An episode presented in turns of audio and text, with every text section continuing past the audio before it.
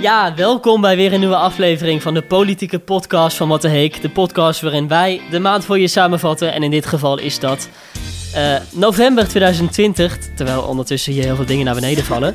Eh, ik ben niet alleen. Eh, ik ben dus Lars Minuten en naast mij zit Saskia Lomans. Hey, hallo. Ja, november dus. Een maand met heel veel ruzie. Bij Forum voor Democratie bijvoorbeeld, maar ook bij de SP. En het was ook de maand eh, waarbij de verkiezingen steeds dichterbij kwamen. Dus heel veel partijen die kwamen al met hun kandidatenlijsten, met daarop de namen van mensen waarop je straks kunt stemmen. En corona bleef toch ook nog wel een ding. We hadden weer een persconferentie twee weken in november met extra strenge eh, maatregelen. En nou nu zitten wij nog in dezelfde ruimte. Maar als de besmettingen zo blijven gaan als in november, ja, dan eh, gaat dat niet heel lang goed. Ja, dat is. Ja, zullen we daar anders meteen mee beginnen, anders met eh, het coronanieuws? Hebben we dat ook meteen maar gehad. Eh, er was weer een grote persconferentie van Mark Rutte en Hugo de Jonge. En die ging dus onder andere over dingen als pretparken, eh, buurthuizen, dierentuinen. De Want biep. de biep natuurlijk, de bioscoop ook, die gingen allemaal twee weken dicht. En dat had natuurlijk alles te maken met die oplopende cijfers. En ja, twee weken later gingen ze ook gewoon weer open, want dat was een beetje de belofte. Hè. Het zou echt maar twee weken duren. En ondertussen kunnen we gelukkig weer naar de bioscoop en naar de eh, dierentuin dus. Ja, maar ondertussen, want ze hadden inderdaad eh, gezegd: we doen alleen strengere maatregelen als we ook echt kunnen beloven dat er een einddatum aan zit. Maar na die twee weken zag je dat het een beetje hielp. Maar nu gaan de besmettingscijfers wel weer heel erg hard omhoog. Dus of we eh, met kerst en zo samen kunnen blijven, ja, waarschijnlijk niet. Dat is het slechte nieuws. Het goede nieuws is dat er eh, vaccins aankwamen. Dus meerdere fabrikanten die kwamen met heel groot nieuws.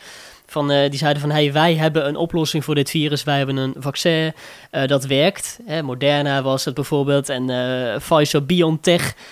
Die naam heb je vast heel veel langs horen komen in het nieuws de laatste weken. En eh, minister Hugo de Jonge die maakte ook al bekend wie dan dat vaccin gaan krijgen. Want dat was ook lange tijd gedoe van, hey, als het vaccin er straks is, dan hebben we niet meteen voor iedereen een vaccin. Dus we moeten wel een keuze maken wie we eerst gaan inenten en wie daarna aan de beurt komt.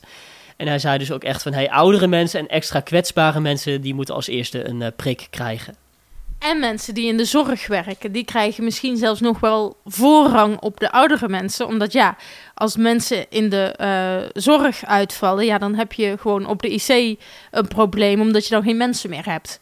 Dus eh, die krijgen misschien ook nog voorrang. En nou, wanneer is dat eh, vaccin er dan? Want er was natuurlijk inderdaad heel veel nieuws van medicijnmakers die zeiden: Joe, we zijn klaar. Eh, en Hugo de Jonge heeft gelukkig vaak samen met andere Europese landen heel veel van die eh, spuiten ingekocht. Eh, en hij hoopt eigenlijk al dat wij begin januari kunnen beginnen. Ja, dat was zijn belofte. Dat lijkt niet helemaal te gaan lukken. Tenminste, ergens begin januari wel. Maar hij zei lange tijd, noemde hij die datum van 4 januari. Nou ja, dat lijkt ondertussen niet meer te gaan lukken. Maar in ieder geval echt begin de volgende maand, begin januari, worden de eerste prikken gezet. En ook belangrijk om te zeggen, dat is helemaal vrijwillig.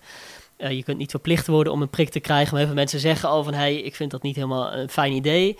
Andere mensen vinden het juist fijn en die zeggen van, hey, eh, als ik op deze manier eh, een einde kan maken aan het virus, dan help ik graag mee. Dus dat is ook nog die hele discussie van heel veel mensen die een vaccin niet willen. En ook belangrijk, het vac- vaccin is helemaal gratis. Dus je hoeft niet te betalen straks om een prik te krijgen. En dan gaan we door naar eh, het volgende. En dat is de verkiezingen die eraan komen, namelijk in maart. Eh, en nou ja, je kunt je voorstellen, dat is niet zo heel ver weg meer. Dus politieke partijen zijn ondertussen bezig met wat gaan we doen. Dus die maken hun verkiezingsprogramma bekend, eh, waarin ze eigenlijk in vaak heel veel pagina's opschrijven wat hun plannen zijn voor de komende vier jaar. En ze maken bekend wie zij hopen dat voor hun partij in de Tweede Kamer terechtkomen. Dus de kandidatenlijsten. En eh, nou, er zijn wel een aantal opvallende eh, dingetjes aan die eh, kandidatenlijsten. Bijvoorbeeld dat partijen heel goed nadenken over dat er veel vrouwen eh, op de lijst staan. Dus dat je niet alleen maar mannen naar de Tweede Kamer stuurt. GroenLinks eh, heeft bijvoorbeeld best wel veel eh, vrouwen op de lijst staan. En ze staan ook vaak heel hoog. Hè? Dus als je dan op één misschien wel een man hebt, bij de VVD Mark Rutte, maar dat dan op twee meteen al een vrouw komt. Dat vinden ze heel belangrijk, hè? dat ze de dame juist stemmen trekken. Bij VVD is het volgens mij zelfs eh 2, 3, 4, 5. Dus dat dat vrouwen zijn. Dus inderdaad best wel veel. Maar is het ook zo dat, want ik weet dat jij die lijst al goed hebt bekeken, is het ook zo dat de helft man is en de helft vrouw? Of zijn de mannen toch nog altijd eh, in de meerderheid? Nee, de mannen zijn wel eigenlijk eh, altijd in de meerderheid. En het verschilt eh, per partij hoeveel in de meerderheid. Kijk, je hebt bijvoorbeeld de SGP. Nou, dat is een best wel christelijke partij. Die vindt dat mannen meer moeten werken en vrouwen meer thuis moeten zitten. Ja, dan, is, dan staan er gewoon geen vrouwen op de lijst. Maar de meeste eh, partijen zitten zo rond de 40% vrouwen. Dus wel bijna de helft. En wie is het beste jongetje van de klas, wat de vrouwen op de lijst betreft?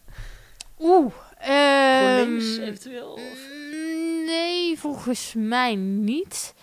Ehm, ja, ik geloof dat dat bij één was. Bij één had eh, en de eh, meeste vrouwen en de meeste mensen van, eh, van kleur. Dus Want bij één is een partij die heel erg opkomt voor mensen met een migratieachtergrond bijvoorbeeld. Precies, dus die, ja, die zouden nieuw in de Tweede Kamer komen. Dat hebben ze in 2017 ook al een keer geprobeerd met Sylvana Simons. Die ken je misschien wel eh, als, eh, als de nummer één. En dat willen ze nu in eh 2021 een tweede keer eh, gaan proberen. Maar nou ja, bij, eh, bij één kun je wel verwachten dat er veel mensen met een migratieachtergrond eh, op de lijst staan. Bij Denk verwacht je dat natuurlijk ook een beetje.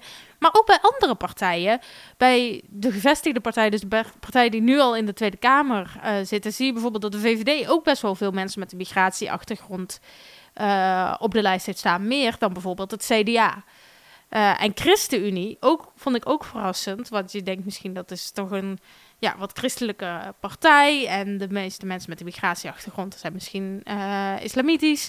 Maar nee, er zijn ook best wel veel ehm, mensen bij de ChristenUnie met een migratieachtergrond. Ja. Vond ik ook interessant. Wa- Want hoe zit dat nu in de Tweede Kamer? Want je wil natuurlijk een beetje een afspiegeling zijn van de samenleving, zeg maar.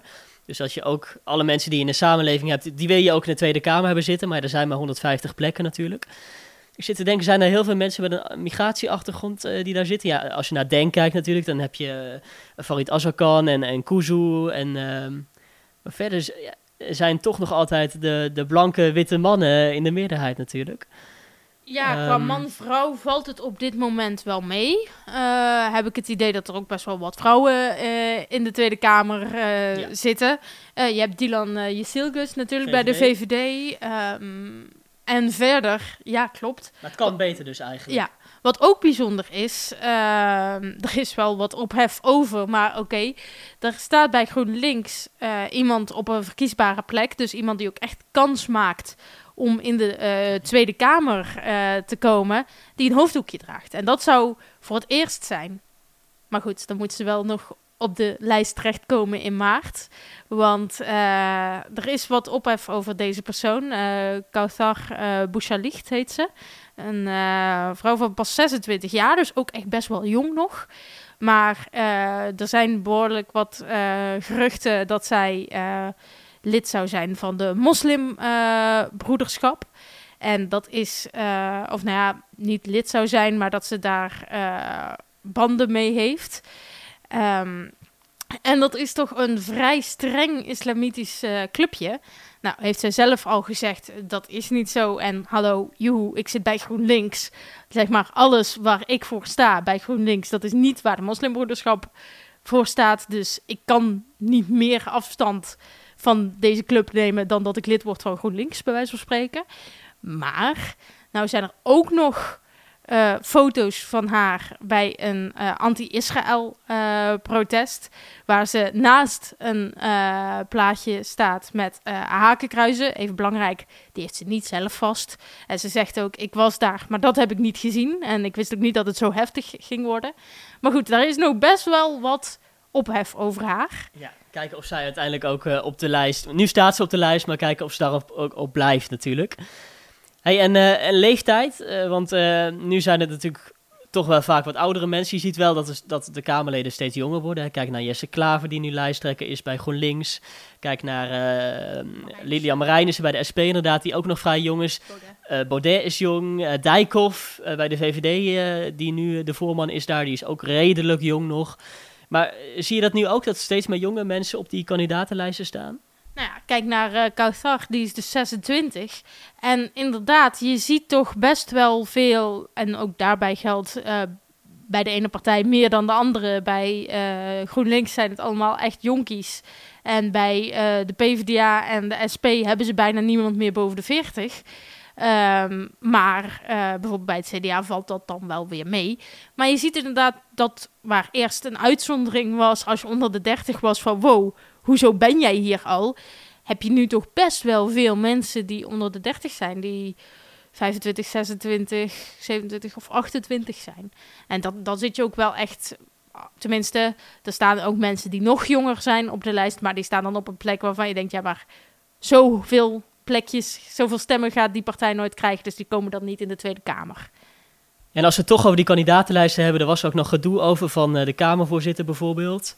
Uh, die zei van hey, het, het, valt wel op dat heel veel mensen die nu in de Tweede Kamer zitten ineens niet meer op de kandidatenlijst staan.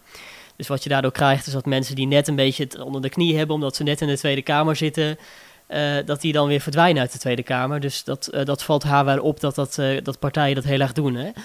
Ja, dat ehm, is wel weer de keer. Als je allemaal jongeren in de Tweede Kamer wil, ja. ja. dan is dit wel de andere kant. Want ja, die jongeren die waren vier jaar geleden nog te jong.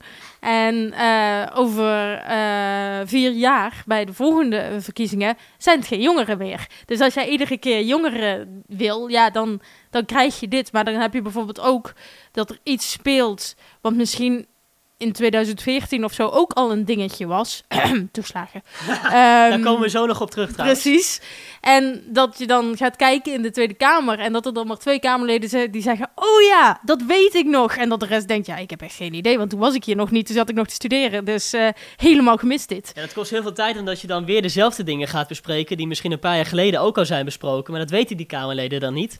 Dus het zou eigenlijk voor het Kamerwerk sneller gaan als je wat meer mensen hebt die er langer zitten natuurlijk. Maar goed, die zijn er ook. Kijk naar uh, Kees van der Staaij bij de SGP bijvoorbeeld. Dat is echt het langstzittende Kamerlid. Wilders. Uh, Wilders zit er ook al best lang. Zat er een tijdje voor de VVD en uh, zit er nu al heel lang voor de PVV. Dus ja, er zijn echt wel Kamerleden die echt al heel lang meegaan. Maar je ziet dus wel de laatste tijd dat er ook steeds meer nieuwe Kamerleden bijkomen. omdat oude Kamerleden dus niet meer op die stemlijst, op die kieslijst komen. Waar we het ook nog over moeten hebben is de kinderopvangtoeslagaffaire. Nou als je ooit gaat scrabbelen, dan moet je deze even onthouden. Uh, er was dus, uh, we hebben het vaker over gehad, hè, die hele affaire bij de Belastingdienst. Dus ouders die kregen geld omdat hun kind naar de kinderopvang toe ging. Dat heet dan kinderopvangtoeslag. En uh, ja, er was heel veel gedoe bij de Belastingdienst, want zij vulden dat dan in. En ze maakten soms ook een foutje daarbij bij het invullen, want dat doe je dan online. en wat de Belastingdienst toen deed, is dat ze zeiden van... Hey, deze mensen die plegen fraude. er werd dus een soort stempel op die mensen gedrukt van... Hey, dit zijn fraudeurs en die kregen daar flink last van... Uh, want ze kregen geen geld meer en ze moesten ook nog heel veel geld terugbetalen. Dus die kwamen flink in de financiële shit uh, terecht. Nou, wat is nou het nieuws? Uh, de Tweede Kamer die wilde een heel groot onderzoek hebben, want die wilde weten van hey, hoe kon dit nou gebeuren en wat kunnen we hiervan leren, misschien voor de toekomst ook. En dus kwam er een soort parlementaire enquête, mini-enquête zoals het dan heet. Dus dat betekent dat uh, Kamerleden allemaal gaan zitten in een mooi zaaltje. En dan komt er uh, een deskundige of een minister of een staatssecretaris die moeten dan komen en die moeten dan uitleg geven. En die moeten eerlijk antwoord geven op alle vragen. Want ze moeten ook echt een eed of een belofte afleggen. Dus ze moeten de waarheid spreken. En anders um, gaan ze de gevangenis in. Ja, precies. Want anders ga je echt uh, de bak in. Dus uh, het was wel belangrijk voor die mensen om gewoon echt te vertellen wat er aan de hand was. En op die manier kregen we toch een beetje een inzicht uh, in hoe dat kon gebeuren allemaal daar bij die Belastingdienst. Um, dus het duurde ongeveer twee weken. Dus de eerste week kwamen allemaal mensen aan het woord die bij, die, eh, bij dat ministerie werkten, dat verantwoordelijk was. Um, en in de tweede week kwamen ook allerlei politici aan het woord en die mochten vertellen wat zij toen de tijd hebben meegekregen van die hele fitty, van die hele uh, affaire, zoals het dan heet. Um, en wat wel opviel eigenlijk was dat al die mensen een beetje naar elkaar leken te wijzen. Dus de minister zei van ja, dit komt door uh, de Belastingdienst. En de Belastingdienst zei van ja, maar dit komt door de minister, want die maakt de wetten. Veel verwijzen zijn we er niet van geworden uiteindelijk, volgens mij. Nee, klopt. En uh, nou ja, wie waren die politici dan? Nou, dat waren best wel bekende mensen. Uh, Rutte was een van de mensen die dus echt als de eindbaas vragen gesteld werd. Wiebes is nu de minister van Economische Zaken, maar was toen, toen dit speelde, de staatssecretaris van de Belastingdienst, dus de eindbaas van de Belastingdienst. En Ascher, die is nu natuurlijk niks meer in het kabinet. Die zit nu voor de PvdA in de Tweede Kamer. Maar de vorige uh, periode, dus het vorige kabinet, was hij de minister van Sociale Zaken, dus de baas van de kinderopvang. en nou ja, hoe ging dat dan? Nou ja, Rutte die was echt heel erg zenuwachtig. Die wist best wel, oké, we hebben nu iets gedaan. Dat hebben we best wel verneukt. En dat moet ik nu gaan vertellen. Maar die heeft zich uiteindelijk wel prima gered. Ja, want Rutte is natuurlijk eindverantwoordelijk. Hè? Want hij was minister-president ook toen tijd. Hij zat tien jaar onze premier. Dus um, voor hem was het wel belangrijk. Hij had echt wel wat uit te leggen van hoe kon dit gebeuren terwijl hij uh, de baas was natuurlijk. Maar uiteindelijk kwam hij wel, wel, goed, kwam hij wel goed vanaf. Hè? Asje trouwens ook. Maar dat had ook met andere dingen te maken. Asher is echt de luckiest bastard van de hele maand. Want letterlijk niemand die dit een beetje kan duiden, uh, dus zeg maar de journalisten, heeft zijn stukje gezien. Dus al had hij gezegd, ja, ik heb expres allemaal mensen gediscrimineerd uh, en hun uh, fraudeurs genoemd omdat ze Marokkaans waren of zo. niemand had gekeerd, want ja, Forum blies zich ondertussen op. Maar daar komen we later nog op terug. Maar daar, hij had echt zoveel geluk daarmee. Ja, hij was minder in het nieuws natuurlijk. Want al het nieuws ging over Forum en alle journalisten waren daarmee bezig. Dus het was misschien veel groter nieuws geweest dat Verhoor van Ascher als dat hele Forumnieuws niet was geweest, inderdaad. Ja, uiteindelijk, uh, trouwens, um, ergens in december komt dan het, uh, het, uh, de conclusie van het hele onderzoek. Want ze gaan nu allemaal dingen uitwerken die gezegd zijn. En eind december weten we dan wat we hiervan kunnen leren van die hele affaire. Ja, laten we dan ook maar meteen Forum meepakken. Want ik denk dat dit wel het belangrijkste van deze maand was. Holy shit, wat is daar gebeurd, Lars? Ja, echt een partij die echt gewoon in twee weken tijd compleet in elkaar dondert eigenlijk. Van het ene op het andere moment. Je had natuurlijk, uh, dat weet je misschien wel, dat heb je misschien wel meegekregen, allemaal appjes binnen de appgroepen van de jongerenbeweging. Want ook Forum heeft een eigen jongerentak. Waar allemaal jongeren uh, samen allerlei activiteiten ondernemen en met elkaar discussiëren. En, ja, en daar zaten dus ook allemaal appgroepen aan verbonden. En niet iedereen zei even nette dingen. Er stonden allemaal antisemitische dingen in, dus een beetje tegen Joden. En allemaal dingen die je eigenlijk niet kan zeggen. Nou ja, dat kwam groot in het nieuws. En uh, als zoiets gebeurt, dan verwacht je ook dat er strenge maatregelen worden genomen binnen zo'n partij. En uh, nou ja, wat gebeurde is dat een paar leden gerooieerd worden, dus die werden uit de partij gezet. En Baudet zelf, de grote baas van Forum, zei ook van... hey jongens, uh, dit is niet goed gegaan, ik stop zelf maar. En dat kwam natuurlijk compleet onverwacht. Dus ineens stond er een filmpje op uh, Twitter en toen zei hij dit. Ik zie af van mijn plek op de kieslijst. En mocht het zo zijn dat er echt dingen zijn gebeurd die niet door de beugel kunnen... ook in dat geval neem ik de ultieme verantwoordelijkheid. Maar bij deze is hopelijk definitief al deze nonsens gestopt. Ja, de, iedereen was hier natuurlijk compleet door verrast, want Baudet is de laatste verkiezingen in de Tweede Kamer gekomen. En die wilde natuurlijk ook door, dus die zat ook allemaal plannen al te maken om nu ook weer mee te doen aan de verkiezingen. Zijn partij doet het ook best wel lekker trouwens. Ze zitten met heel veel mensen in de Eerste Kamer en ze zitten ook in alle provincies, uh, zijn ze een beetje de baas. Ook zitten ze bij het bestuur of zitten ze, zitten ze in ieder geval in de, in de hoe noem je dat? Ja, ik wilde een ander woord zoeken, maar de Provinciale Staten heet dat dan. Uh, met een moeilijk woord, dus een beetje de Tweede Kamer van de provincie. Dus ja, iedereen had grote verwachtingen van die partij. En toen kwam zo'n grote ruzie. Want dit is eigenlijk nog maar het begin wat ik nu verteld heb. Ja, dat klopt. Want uh, wat, we moeten eigenlijk helemaal bij het begin beginnen. En dan niet het begin van uh, het eerste nieuwsbericht van... Oh, er staan appjes in de appgroepen van de jongeren die niet helemaal netjes zijn. Maar eigenlijk gaat het al eerder mis. Eerder dan wij als journalisten uh, weten. Want de vrijdag voor uh, stopte op op een maandag. En de vrijdag daarvoor ging het eigenlijk mis. Wat was er gebeurd? Nou, net, we hebben het net al even over de kandidatenlijsten gehad. Forum had ook al een uh, kandidatenlijst bekendgemaakt. Dus de mensen die Forum graag in de Tweede Kamer wil de komende vier jaar. En de eerste tien op die lijst, die zouden samen uit eten gaan. Of nou ja, de restaurants zijn dicht, dus ze gingen bij iemand thuis eten. Maar samen een etentje. En dat etentje is uitgelopen op één grote ruzie. En uh, een van de Kamerleden, of kandidaat-Kamerleden, dus die eigenlijk de komende periode voor Forum naar de Tweede Kamer zou gaan. Die heeft een brief geschreven en vervolgens die brief op Twitter gezet. En daar staat onder andere in dat uh, Thierry Baudet gezegd zou hebben dat iedereen anti-Joods is uh, bij vorm. Dat hij eigenlijk alleen maar anti-Joodse mensen kent. En dat hij niet zo goed snapt wat daar dan precies het probleem van is.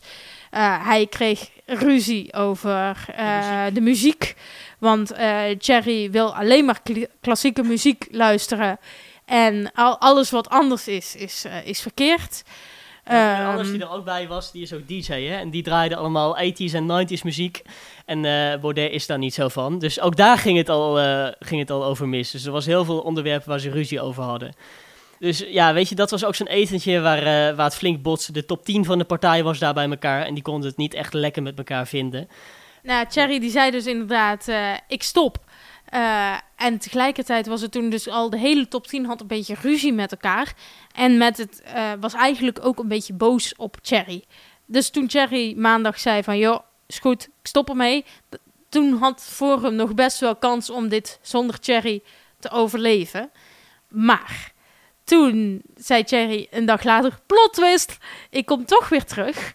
En ja, alle mensen die toen boos waren op Cherry, die zeiden: Oké, als jij terugkomt, dan gaan wij weg. Ja, dus toen waren stiekem eigenlijk wel blij dat hij wegging. Hè? Want hè, heel veel mensen binnen die partij zijn dus niet helemaal blij met uh, Thierry Baudet. Nee, en met wat hij vindt. ja, want hè, we moeten ook uitleggen, want uh, hij was ook heel veel bezig met mensen die allerlei complottheorieën aanhangen over corona. Die zeggen van, hey, corona bestaat niet. Of, uh, hè, en daarmee was hij altijd ook in gesprek gegaan, ook bijvoorbeeld op een pleintje voor de Tweede Kamer. En um, ja, heel veel mensen waren daar niet zo blij mee, dat hij zo in zee ging met die complotdenkers eigenlijk. Dat klopt, dat komt ook nog, want ik heb het al gezegd, uh, dat er in uh, het eten, of bij het etentje uh, gezegd werd door Cherry dat hij eigenlijk alleen maar mensen kende die anti-Joods waren en dat hij daar het probleem niet zo van zag. Maar wat hij ook nog inderdaad duidelijk liet merken, was dat hij dacht dat corona nep was en dat zijn vrijheid eraan ging. En dat hij echt heel erg, nou ja, huilend ook echt, de complottheorieën zat te verdedigen. En ook zei, ik ben een leeuw in een kooi en ik moet op antilopes kunnen jagen. En dat kan nou niet met deze coronamaatregelen. En nou ja, dat kun je vinden. Er zijn, hij is niet de enige die zo denkt. Er zijn best wel veel Nederlanders die zo denken. Alleen niet in de top 10 van Forum. Dus toen dachten heel veel andere mensen, maar als dit de partij is en als hij de baas van deze partij is, dan wil ik daar helemaal niet meer bij horen. Dus heel veel, er zijn eigen Matti bijvoorbeeld, uh, die nu in de Eerste Kamer zit, Paul Cliteur bijvoorbeeld, die stopte. Er is een heel bekende man die bij de Universiteit Leiden werkt. Uh, en die zei dus van, hey, ik heb hier geen zin meer in. Maar ook bijvoorbeeld Annabel Nanninga, die ken je misschien wel uit de Raad van Amsterdam, waar zij zit namens Forum. Die zei ook van, ik heb hier geen zin in. Dus heel veel mensen die stopten ineens bij de partij. Ook heel veel leden zeiden van, ik wil hier echt helemaal niks mee te maken hebben. Uh, Theo Hiddema bijvoorbeeld, hè, de nummer twee op de kandidatenlijst, uh, die ook in de Tweede Kamer zat, die stopte ook. Was trouwens ook best wel emotioneel, want hij stuurde een brief aan de voorzitter van de Tweede Kamer, Khadija Ariep. En daarin maakte hij dat bekend. En de voorzitter las die brief ook nog voor in de Tweede Kamer. Vandaag heb ik een brief gekregen van de heer Theo Hedema. En ik ga, het ik ga de brief voorlezen. Geachte mevrouw Ariep, lieve Khadija. Bij deze wil ik je berichten dat ik mijzelf politiek arbeidsongeschikt heb verklaard. Ik treed per heden terug als lid van het parlement en zal helaas niet aan jouw herverkiezing kunnen bijdragen. Dank voor al je goede raad en doe mijn dankbare groeten aan het ondersteunend personeel. Hoogachtend en liefst Theo Hedema. Hedema. Goed ja, ook Theo Hiddema stopte dus. En zo stopten wel meer mensen. Maar Thierry die zei dus, ik wil toch door met die partij, ook al stoppen deze mensen. Uh, dan beginnen ze maar een eigen partij als ze hier geen zin in hebben. Want ik wil wel doorgaan. Hij zei, ik ben nog niet klaar met Nederland. Ik ben nog niet klaar met Forum. Ik ben nog niet klaar met de politiek. Uh, en dus kwam er een referendum binnen de partij. Dus hij maakte bekend dat de leden mochten stemmen wie uiteindelijk de baas zou zijn. Of hij de baas zou zijn, of dat iemand anders dat maar moest doen. Weet je, om nog even een bruggetje te maken op wat je net zei. Weet je wie er ook emotioneel werd? Thierry zelf. Want nou. een van de mensen die zei... ABC, ik kap ermee, je zoekt het maar uit, Thierry... was uh, Eva Vladingenbroek. En die stond ook in de top 10 van Forum. Maar, nog een dingetje. Zij was ook de ex-vriendin van Thierry Baudet. Dus dat hij, dat, dat zij zeg maar op televisie zei van... Het gaat echt veel te ver wat er bij dat etentje gebeurd is. En hij is helemaal gek geworden en ik kan deze man niet meer steunen. Hij voelde zich dubbel genaaid. Want het was niet alleen een andere collega die hem naaide, maar ook zijn ex-vriendin. Ja, en het was dus live op tv, dus hij wist ook helemaal niet dat dit zou gebeuren. Hij zat eh, in de ochtend op NPO 1 en hij vertelde over die hele ruzie bij zijn partij. Ja, en toen kwam dus die verklaring van Eva Vladingerbroek. Het splitsen van de partij, dat is uh, denk ik op dit moment nog, uh, nog paniekvoetbal van iemand die aan het verliezen is. Uh, die iemand die wanhopig is. Um, ik, ik heb me al eerder in de afgelopen kwesties van het weekend ook actief uitgesproken aan de kant van het bestuur. Was u dit bekend dat zij zich dus al hierover heeft uitgesproken bij het bestuur? Nee. En ja, ik, uh, ik vind het uh, verbazingwekkend dat iemand op deze manier. Uh... Ja, ik moet even wennen aan het nieuws. Ja, het was ook heel bijzonder om te zien, want Baudet zat daar dus. Hij was ook in beeld tijdens die hele verklaring. Dus je zag hem ook een beetje zo kijken van, oh jee, wat gebeurt er nou? Dit zag ik niet aankomen. Ja, en toen klapte hij ook even een beetje dicht. Dus uh, het was echt een complete verrassing voor hem dat ook zij dus stopte. Dus heel veel mensen waren echt klaar met hem. Maar ja, Tsjechië ging dus door. Ik zei net al, er kwam dus zo'n referendum. Uh, waarin leden online mochten stemmen of hij de baas mocht blijven. En die zeiden uiteindelijk dus van ja, oké, uh, blijft de leider. En uh, ook een hele grote meerderheid van de mensen. Dus de overgrote meerderheid was het gewoon eens met Thierry Baudet. Dus hij blijft bij Forum en is ook straks de nummer 1 op de kieslijst als je gaat stemmen. Als je dat dan mag tenminste. Nou, hele flinke ruzie daar dus. Uh, bij, de, bij Forum voor Democratie, zo vlak voor de verkiezingen. Want over vier maanden mogen we al stemmen, dus dit kwam echt helemaal niet lekker uit. En het was niet de enige partij waar het flink misging. Ook bij de SP was er ruzie. En dan vooral bij de jongere afdeling. Tenminste, daar begon het allemaal mee. Want daar zaten een paar leden in. En het bestuur van de SP was het niet helemaal eens met die leden.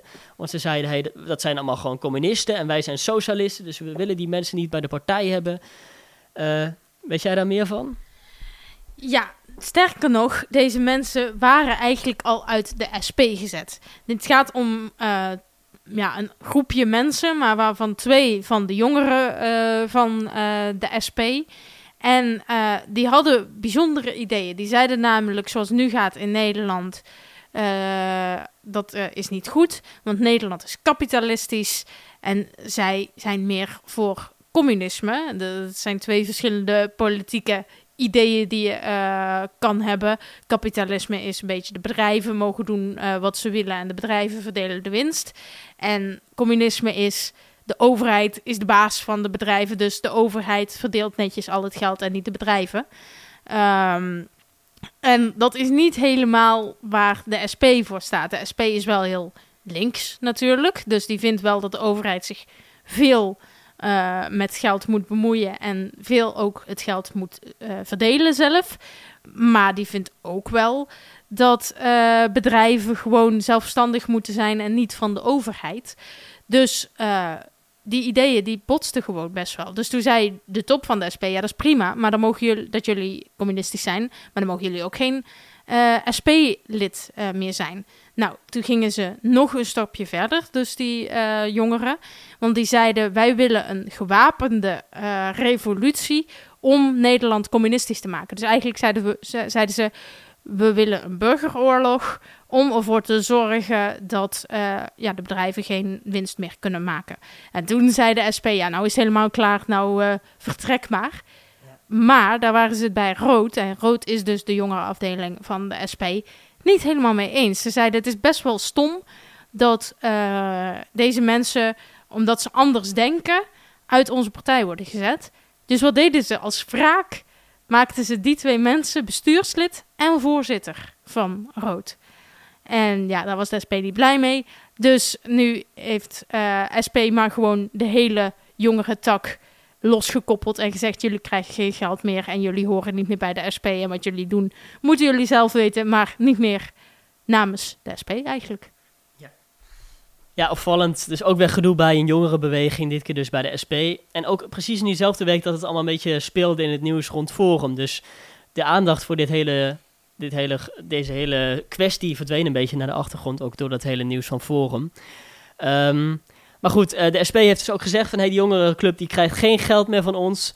En ze hebben ook laatst nog een keer gepraat met z'n allen, maar ze hebben het nog steeds niet kunnen oplossen. Dus voorlopig uh, zit de jongerenorganisatie zonder geld uh, van de partij.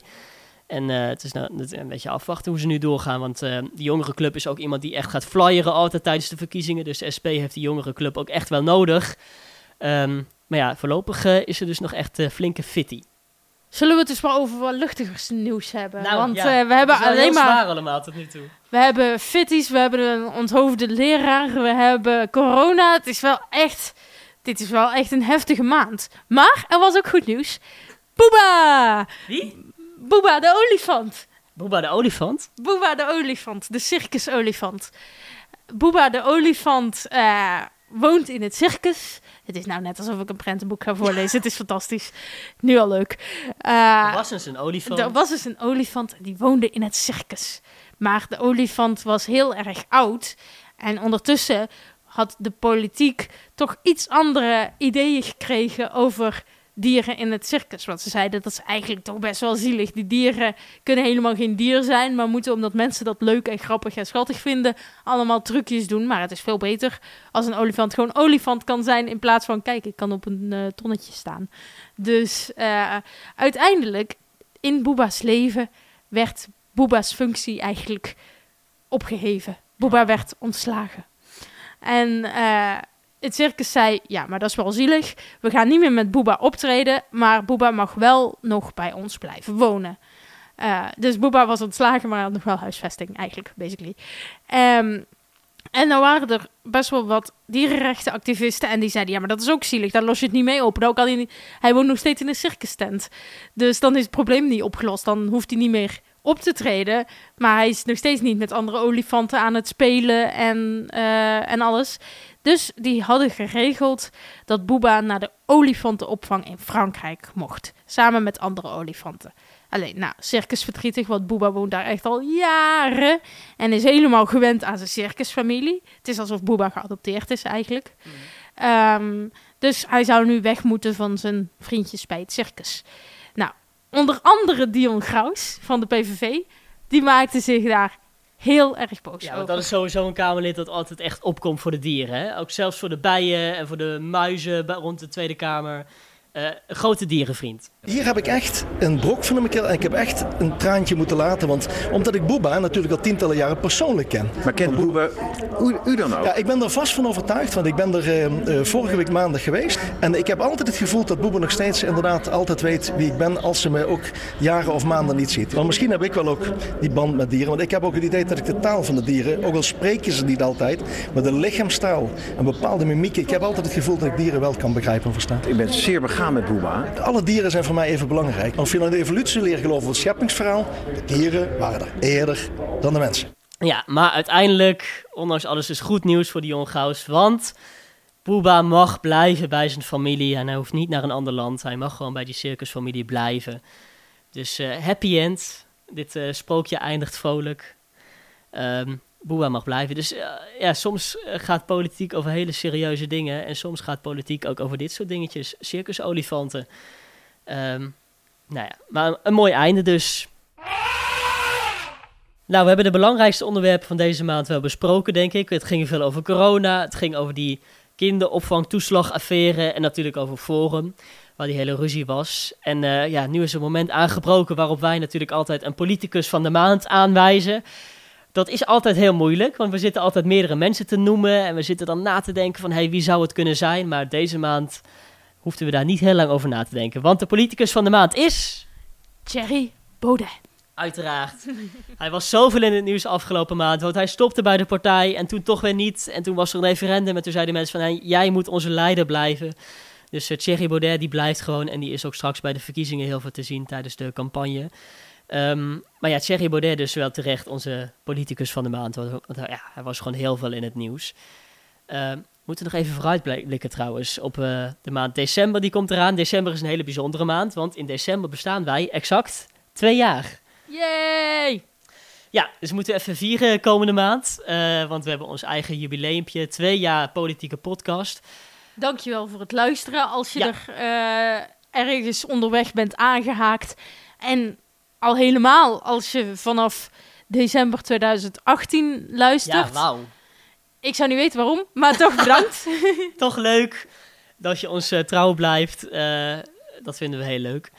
Eh, wat er trouwens, er gaat nog natuurlijk veel meer spelen in december, los van ons jubileum. Het gaat nog heel veel over, over corona en de landelijke politiek. Strengere maatregelen waarschijnlijk. Want wat gaat er gebeuren met kerst? Mogen we met z'n allen bij elkaar komen? En wat gebeurt er tijdens die kerstvakantie straks? Spoiler alert, nee. Ja, het lijkt er wel op hè, dat er nog strengere maatregelen aan zitten te komen. Dat eh, musea bijvoorbeeld dichtgaan en bioscopen en dierentuinen en dat soort dingen. Eh, maar dat gaat allemaal in december eh, spelen. Ja, en het is dus ook de maand waarin het nieuws komt over die kinderopvangtoeslagaffaire. Want dat hele onderzoek is dan klaar. Dus dan krijg je een beetje de uitkomst daarvan. Nou, waarschijnlijk is de uitkomst dus dat, dat het allemaal niet zo lekker ging. En dat er allemaal fouten zijn gemaakt. En het is vooral interessant wie dan die fouten hebben gemaakt. Eh, ook interessant, het vuurwerk natuurlijk. Want het wordt voor het eerst dat we geen vuurwerk mogen afsteken met oud opnieuw. Eh, heel benieuwd of mensen zich daaraan gaan houden of niet. En of ze echt ook geen vuurwerk kopen in het buitenland bijvoorbeeld. Dus eh, dat gaan we in de gaten houden komende maand. Oké, nou dan met deze vooruitblik denk ik dat we aan het einde zijn gekomen van weer deze podcast en de maand november 2020. Op Zonder na december. trouwens. Zonder pepernoten, ja, inderdaad. Beetje laat nu dat ik hier aan het eind van de podcast mee kom natuurlijk. Maar het belangrijkste is, we hebben pepernoten. Yes. Yes. Ehm, nou, dat is. In eh, december zijn we, of nou ja, begin januari, zijn we weer met je teru- bij je terug. En dan gaan we december voor je samenvatten. Gaan we feest vieren, want we bestaan dus twee jaar. En verder wens ik je een hele fijne eh, decembermaand. En een hele fijne feestdagen. En een goed oud opnieuw. Blijf veilig. En eh, ja, met kerst, zie maar wat je doet. en eh, de rest van het laatste woorden is natuurlijk, zoals altijd, Al twee jaar lang. al twee jaar lang aan mevrouw Ariep. We zijn klaar. Dank u wel.